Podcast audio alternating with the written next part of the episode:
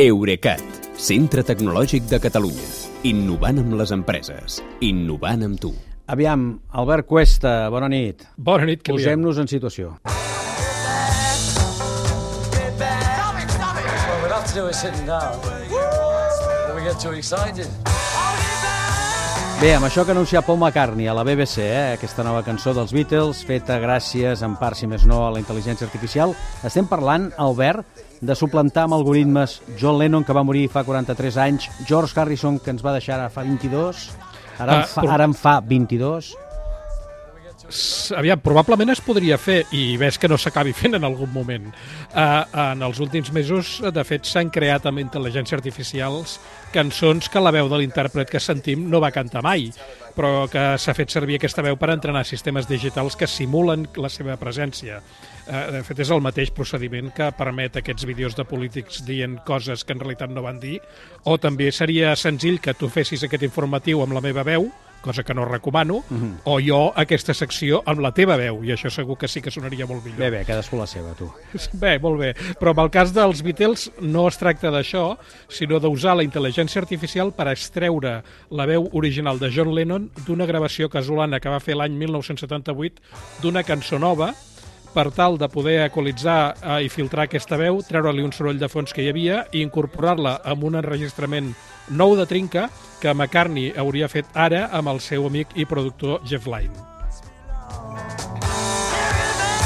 Que no és aquesta cançó, és una altra que ja tindrem l'oportunitat de, com a mínim, pensar si és aquella o no, perquè encara no es coneix aquesta. Però diríem que aquest procediment no és nou del tot, eh? Doncs no, eh, i sense sortir de l'univers dels Beatles, eh, quan el director Peter Jackson va muntar fa un parell d'anys aquelles sis hores del documental Get Back sobre les últimes setmanes d'existència del quartet de Liverpool, que per cert és un documental que podeu veure a Disney Plus, us recomano, Sí. els tècnics de so ja van fer servir intel·ligència artificial per extreure de les gravacions originals de l'any 69 les veus dels quatre músics i que els, els seus diàlegs durant les sessions als estudis d'Abbey Road fossin més intel·ligibles. A partir d'aquesta experiència, el productor Giles Martin, que és el fill del productor original dels Beatles, se li va encendre la llumeta i va aplicar aquest mateix sistema a les cintes originals de l'àlbum Revolver, de 1966. Però no només ho va fer a les veus dels quatre Beatles, sinó a cadascun dels instruments. I un cop va tenir tots els elements eh, per separat, va remesclar l'àlbum sencer, de manera que la cançó Taxman, que fa 57 anys es va publicar amb un estèreo d'allò més, diguem-ne, primari, amb tots els instruments en un canal i totes les veus amb l'altre, sonava així en aquesta nova edició de l'any passat.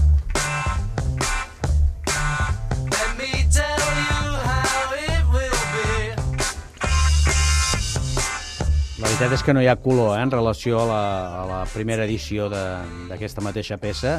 La No, no, si millora teniu- tecnològica és, és brutal, eh? Si teniu ocasió de comparar la versió original o fins i tot la primera edició en CD de l'any 81, amb aquesta nova, eh, que això ho heu de fer escoltant-la amb uns bons auriculars o uns bons altaveus, el que sentireu són dos àlbums completament diferents. Ah, de fet, a més de preses falses, aquesta edició de 2022 també inclou fragments de la gravació original extrets amb algoritmes. De remescles i remasteritzacions se'n fan constantment. Per què les dels Beatles... Bé, ja sabem que són els Beatles, eh? Però per què són tan rellevants? Ah, doncs perquè fa anys que s'enregistra amb això que s'anomena multipista, que conserva per separat cada veu i cada instrument, o fins i tot part dels instruments, com els plats i els timbals d'una bateria.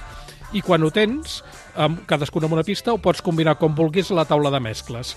Uh, però quan els Beatles van fer els seus discs, els magnetòfons multipistes existien, però eren una raresa i ells no en disposaven. Com a molt, el productor George Martin disposava de quatre pistes per posar les veus, els instruments, l'orquestra i els efectes de so, i per molt enginy que hi posés, al final acabava tot barrejat. Ara, la màgia, diguem-ne, dels algoritmes fa possible desfer aquella barreja i extreure els elements per fer-ne una de nova.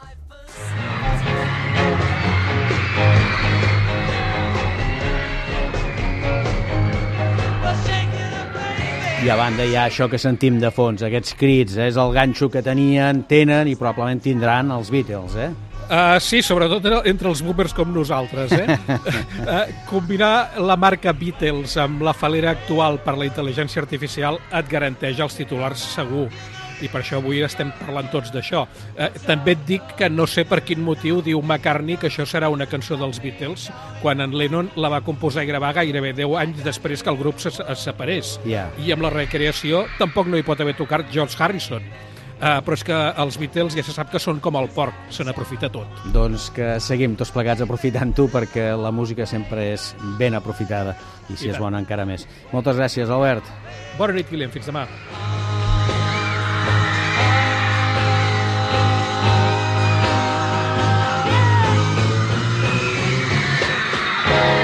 Eurecat, centre tecnològic de Catalunya. Innovant amb les empreses. Innovant amb tu.